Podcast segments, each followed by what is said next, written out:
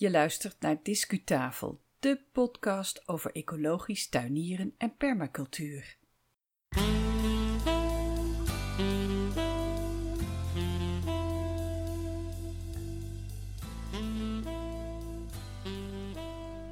Welkom bij aflevering 40 van Discutafel podcast. Mijn naam is Yvonne Smit. Vandaag is het 21 maart 2019. De lente is gisteren begonnen. Ik heb vandaag de chifchaf voor het eerst gehoord. En nu de regenachtige storm buiten is uh, uitgeraasd hier in Nederland, zijn we volop actief met het snoeien en verplanten en het zaaien.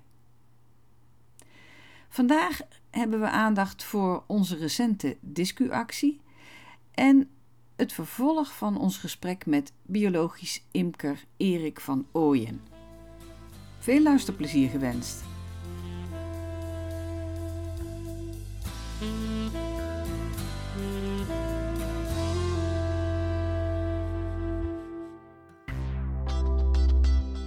Discu Journaal. In de vorige extra aflevering van 18 maart hebben we gesproken over een nieuw tuinevenement. Medio mei in de omgeving van Tiel gaat dat allemaal plaatsvinden. Het gebeuren heet Gardenista. Vijf dagen rondom groen. Showtuinen, een biodynamische moestuin, workshops, een kinderprogramma, van alles. De ambities zijn hoog. De organisator Groei en Bloei noemt zelfs de Chelsea Flower Show als voorbeeld. De locatie is een kasteellandgoed in Ophemert, dat ligt in de omgeving van Tiel. En jij kunt een gratis toegangsbewijs voor Gardenista winnen via Discutafel, want wij sponsoren dit tuinevenement. Hoe doe je mee met deze discuactie? Nou, iedere luisteraar kan meedoen, maar abonnees op onze nieuwsbrief die krijgen voorrang. Ga dus eerst naar discutafel.nl en schrijf je in voor Discupost. Dat is een digitale nieuwsbrief die je attendeert op onze blogs en op uh, nieuws over ecologisch tuinieren en permacultuur. We sturen dat uh, vier tot maximaal acht keer per jaar naar je toe en alleen als er echt iets te melden valt. Als abonnee ben je snel op de hoogte van discuacties zoals deze en maak je ook meer kans om een prijsje te winnen. De eerstvolgende aflevering van de nieuwsbrief Discupost die verschijnt rond 25 maart. Dus schrijf je snel in, dan doe je mee met de discuactie voor Gardenista vrijkaarten. Wil je toch liever geen discupost ontvangen, meld je dan aan voor de discuactie per e-mail. De winnaars maken we bekend op, uh, op, in onze discutafel podcast van 11 april. En mocht je bij het beluisteren van deze aflevering niet precies meer weten hoe het werkt en of de actie nog wel loopt, ga dan eventjes naar onze website discutafel.nl. Dan gaan we nu luisteren naar het vervolg van mijn gesprek met biologisch imker Erik van Ooyen. Het eerste deel van dat gesprek dat zonden we uit in podcast 37 van 28 februari. En we spraken toen over de honingbij als landbouwdier en over de do's en don'ts van biologisch imkeren en over het bijvoederen van je volk in de winter en over de vraag hoe natuurvriendelijk dat imkeren nou eigenlijk wel is. En nu bespreken we onder meer het lot van wilde bijen en wat jij als tuinbezitter kunt doen om deze bijen te steunen. Maar we beginnen nog even over die honingbij. Erik vertelde namelijk dat imkers hun koninginnen wel eens vervangen. En daar wil ik meer over weten. Discugesprek. Nou vertelde je net dat er van tijd tot tijd nieuwe koninginnen in een volk worden gezet. En um, dat heeft als bedoeling om de, uh, het ras zuiver te houden, zei je net volgens mij. Dan wel de, de conditie van het, van het bijenvolk misschien. Um, ik kan mij zo voorstellen, wanneer je een raspaardje, er, of in dit geval een, een, een rasmerrie erin, uh, erin zet, dan heb je ook als mens weer zo'n invloed op degene die in dat volkje ingebracht worden. Als je dan iedere keer hetzelfde winkeltje van de koninginnen zou kiezen, dan krijg je een bepaalde eenzijdigheid van het genenpatroon in zo'n volk. Of is dit een fantasie van mij? Is dat niet ook iets om heel zorgvuldig mee te zijn als je kunstmatig die koninginnen in het volk gaat brengen? Uh, ja, natuurlijk. Hè. Want, want, die koningin die zorgt eigenlijk voor alle nakomelingen. En zij is de enige die eitjes legt en daar komen alle, andere bijen komen daaruit voort. Dus dat genetische materiaal van, van die koningin bepaalt het genetische materiaal van, van het volk. Samen dan met de, met, met, de, met de mannetje bijen, de darren waarmee ze gepaard heeft. En nu is dat vaak een behoorlijk aantal. Maar ehm, eh, zeker als je, als je, als je continu uh, doorselecteert en, en één richting op, zal ik maar zeggen, dan kun je op zich met deze spreken een situatie van inteelt uh, gaan krijgen. Um, ja, dus dat is wel iets wat je moet, wat je moet vermijden. Um, maar goed, er zijn op zich heel bekwame fokkers en telers voor, die echt wel weten hoe, hoe, hoe ze moeten vermeerderen. En die daar wel natuurlijk naar kijken. Je houdt een soort van uh, stambomen bij, zeg maar. Ja, nou, je, hebt, je hebt teeltlijnen. Hè, dus, dus uh, van bepaalde volk waarin nageteeld wordt. En uh, misschien ook wel grappig om te weten in, in, dit verband. De paring van, van, van, de bijen die, die gebeurt gewoon in, in, de, vrije, vrije natuur over het algemeen. Hè, even kijken, uitgesloten. Um, en dat gebeurt met, met, met de darren die in de omgeving vliegen. En zo zijn, omdat te zorgen dat we een beetje dan als, als koninginnenteler in, in, in, in de greep te hebben, uh, worden de bijen naar de eilanden gebracht. Wil je dan alleen de bijen van een bepaalde afkomst uh, vliegen. De Waddeneilanden De Waddeneilanden, ja. He, dus uh, je hebt bijvoorbeeld Carnica is een bepaald ras. Nou, op, op, op Schiermonnikoog zit, zit Schiercarnica's. Dus de Carnica's die alleen daar, die daar onthouden worden. En Vlieland en Texel heeft weer weer de zwarte bij. Dus alle eilanden zijn verdeeld met welke ras bijen dat daar vliegen. Ongelooflijk. Ik had geen idee dat er aan zoiets als, als imkeren, wat je toch als heel natuurlijk ziet, dat er toch achter de schermen zoveel management achter zit. Ja, dat klopt. Ja, ja op het moment dat je erin duikt en verder ja. kijkt, dan zie je dat dat inderdaad toch, toch niet zo uh, uh, ja, triviaal is misschien als dat je misschien zou, zou, zou verwachten. Nee, maar ook niet, ik wil niet zeggen niet zo onschuldig. Maar, want ik denk dat, dat, dat imkeren nog een heel romantische gloed heeft voor sommige mensen. En dat was, ik zou het niet een schuldig beroep willen noemen, maar het is wel echt een beroep waar. Uh, ja, het is echt een vak waar, waar een management achter zit. En waar menselijk ingrijpen gewoon een grote rol heeft om jaar tot jaar een gezond volk te hebben met een goede productie. Ja, dat is zeker voor als je zegt van goh, ik wil daar ook een, een, een, een uh, producten van kunnen oogsten. Producten in dit geval niet alleen honing, hè, maar bestuiving is net nog veel belangrijker. De inzet van bijenvolk in bestuiving in Nederland is heel groot. Dus, anders hadden we echt geen, geen aardbeien gehad hoor. De, kan je dat iets toelichten? Nou, uh, ieder jaar zeg maar, als, als de aardbeien moeten komen en, die, en in, die, in die kassen staan, um, dan worden bijenvolken ingehuurd door de teler die, voor de bestuiving. Dus dan kom, gaan, worden bijenvolken in de, in de kast geplaatst. Die zorgen dan voor de bestuiving van de aardbeien.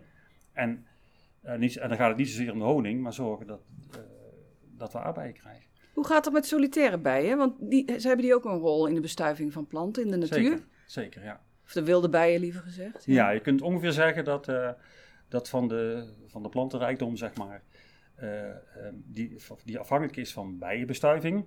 Hè, dus zo'n andere vorm van bestuiving, maar van bijenbestuiving. En dat is, dat, is, dat is, een heel groot deel van, van onze planten, zowel van onze cultuurgewassen als van de, van de natuurlijke planten. Dat er dan de helft ongeveer door de wilde bij wordt gedaan en de andere helft door de, de honingbij. Wauw. Even als verdeling. En hoe gaat het met die wilde bij? Ja, niet zo best eigenlijk. Uh, eigenlijk is de, wat je de afgelopen jaren eigenlijk gehoord over, uh, over problemen met, met de bijen, eigenlijk meer op toepassing op de wilde bij dan op de honingbij. De honingbij, daar staan imkers bij, hè, dus die kunnen zien hoe gaat het met mijn volk, moet ik ze helpen ja of nee. Nou, de wilde bij, ja, daar staat geen imker uh, naast, naast het. Uh, naast Als beschermer, nee. Dus uh, daar moeten we eigenlijk gewoon zorgen dat de omstandigheden waarin die, die wilde bij kan leven verbetert. En als je kijkt naar het, het aantal wilde bijen wat ik al noemde, dan is daarvan is ongeveer 55% staat op de rode lijst. En de rode lijst betekent dat het dus een enige ma bedreigd is in, in zijn voortbestaan. Ongelooflijk. Dus een behoorlijk, ja, dat is een heel groot aantal eigenlijk. vergeleken zeker met andere diersoorten. Dus het is, uh, die wilde bij heeft het zeker zwaar, uh, zwaar te verduren. En er zitten een aantal uh, ja, redenen aan, aan de grondslag. Waarbij de, en mijn idee de voornaamste in ieder geval is de, de leefomgeving die we met z'n allen hebben gecreëerd. Hè. Dus met, met monoculturen, met een, ja, dus eenzijdige gewassen. En ook gewassen waar niks, niks te, te, halen is voor, voor die bijen. Dus er komt niks meer in bloei. Het wordt gemaaid voordat het in bloei komt. Dus dat moet met name anders. Zorgen dat we anders gaan beheren Zorgen dat we anderen uh, de natuur meer, meer, de kans geven. Dat is een belangrijk stuk wat we met z'n allen kunnen regelen. En dan komt die wilde bij ook wel. Ja, en bestrijdingsmiddelen vind ik ook een factor daarin. Dus, het is heel moeilijk om het directe verband aan te tonen. Maar uh, behoorlijk wat bestrijdingsmiddelen zijn gewoon bedoeld als insecticide. Dus ja, en, en, en, dat is dus niet pro-bij, zal ik maar zeggen. En dat is ook een van de doelen van jouw stichting, geloof ik, ja. Hè? Om, uh... ja, met name om te zorgen dat, uh, dat, dat zeg maar, ja, Food for Bees heet de stichting. Food for Bees, Food met, een, bees. met een vier in het midden, hè? Ja, Food for Bees. Precies. Ja. Um, en ja, Food for Bees, wat is dat? Uh, dat is voedsel voor bijen. Nou, voedsel voor bijen, dat zijn bloemen. Dus vooral zorgen dat, dat er gewoon meer bloemen komen die goed zijn voor bestuivende insecten. Want het is niet bijen, maar alle, alle bestuivende insecten mogen mee eten. Dus, uh, want wat eten die bijen? Die eten niet de honing, want die maken ze. Ja, die, uh, die eten nectar en, en stuifmeel en, en water. En van de, van de nectar maken ze honing van. En die eten ze dan op in de winter. En de stuifmeel gebruiken ze vooral om, om de larven mee te voeden. Dat, er zitten veel eiwitten in, dus de groei die, de, voor de bouw van het bijenlichaam is stuifmeel heel belangrijk. En de nectar en de honing is vooral om te vliegen. Dus de brandstof. En de, uh, de stuifmeel is de belangrijkste factor die ze nodig hebben om te zorgen dat het uh, goed gaat met de bijen. Wat, wat kunnen nou uh, de luisteraars die een balkontuin of een tuin hebben of die werken in een samentuin, wat kunnen ze nou doen om die, die solitaire bijen te helpen? Ja, nou ja, een aantal dingen natuurlijk. Hè. Dat is zorgen dat je bloeiende planten in, op je balkon of in, in je tuin hebt. En ja, dat je de ook geeft om in bloei te komen. Um, daarnaast kun je natuurlijk zorgen voor, voor nestgelegenheid. En uh, het is misschien ook wel goed om te weten dat de meeste bijen eigenlijk in het zand leven, in, in, in de grond leven. Um, en dan het liefst op een zonnige, uh, op een zonnige Oh ja, dat heb ik in de natuur wel eens gezien. Van die, van die kleine gaatjes die dan op, op, op, een zonnig hellinkje naast het pad. Zijn dat, zijn dat de solitaire bijen? Ja, ja. ja. ja. Het kunnen soms ook mieren zijn. Hè? Dus, ja, ja, ja, ja, ja. dat ik ook wel, wel mee te maken heb is overigens de familie van de bijen. Die zitten heel dicht bij elkaar, de mieren en de bijen. Dat weten misschien veel mensen nog niet, maar die, diezelfde familie eigenlijk. Um, maar die, die gaatjes, uh, daar, daar, daar kruipen ze in. Dus als je dat even in de gaten houdt op een mooie zonnige dag, dan ziet er een bijtje uitkomen en erin kruipen. Dan weet je, oh dit, dit is een bijtje.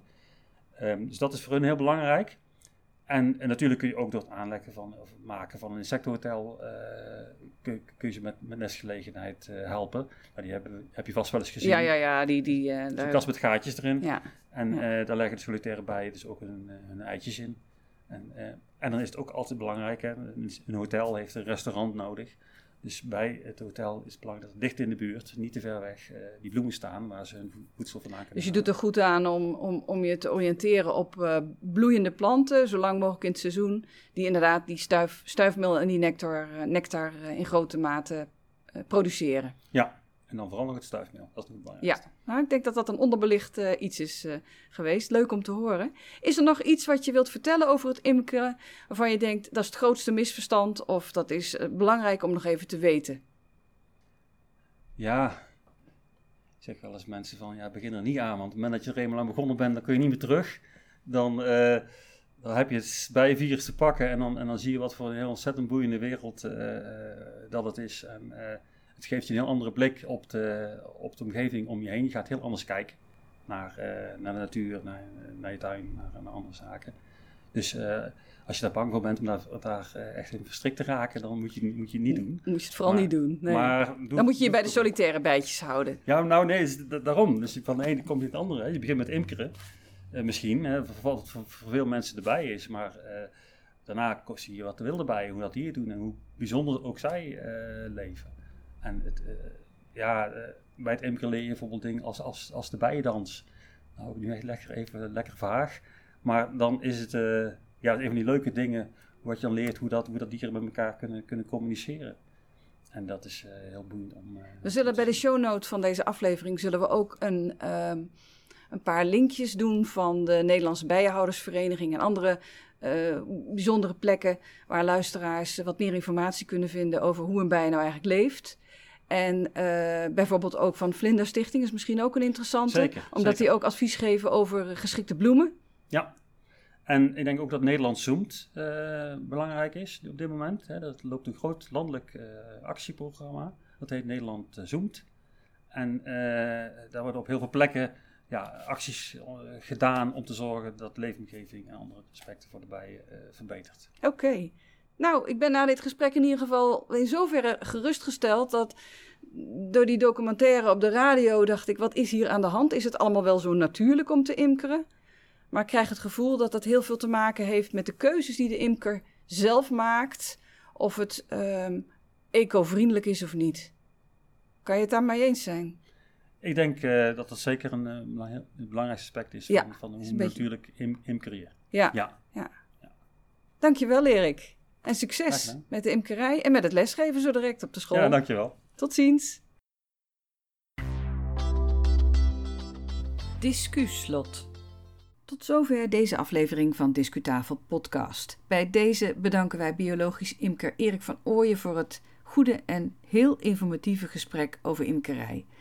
Uh, mocht je naar aanleiding van dit onderwerp vragen of suggesties hebben, laat ze gerust weten. Op discutafel.nl staan onze contactgegevens. Intussen mogen wij ons verheugen in uh, steeds meer luisteraars. Af, ergens afgelopen weekend is de, voor de 4000ste keer onze podcast gedownload en daar zijn we stiekem best trots op. Als je nog geen gratis abonnement hebt, fix dat dan snel even via een podcast-app en dan krijg jij automatisch de nieuwe afleveringen in je smartphone. Discutafel is een initiatief van Yvonne Smit. Bijdragen zijn en blijven altijd van harte welkom. De volgende aflevering staat naar verwachting online vanaf donderdag 11 april. We gaan dan op bezoek bij iemand die een speciale natuurtuin heeft aangelegd in een fraai bosgebied nabij Nijmegen. En je hoort de uitslag van de discuactie over Gardenista. Ga intussen lekker naar buiten. Graag tot de volgende keer.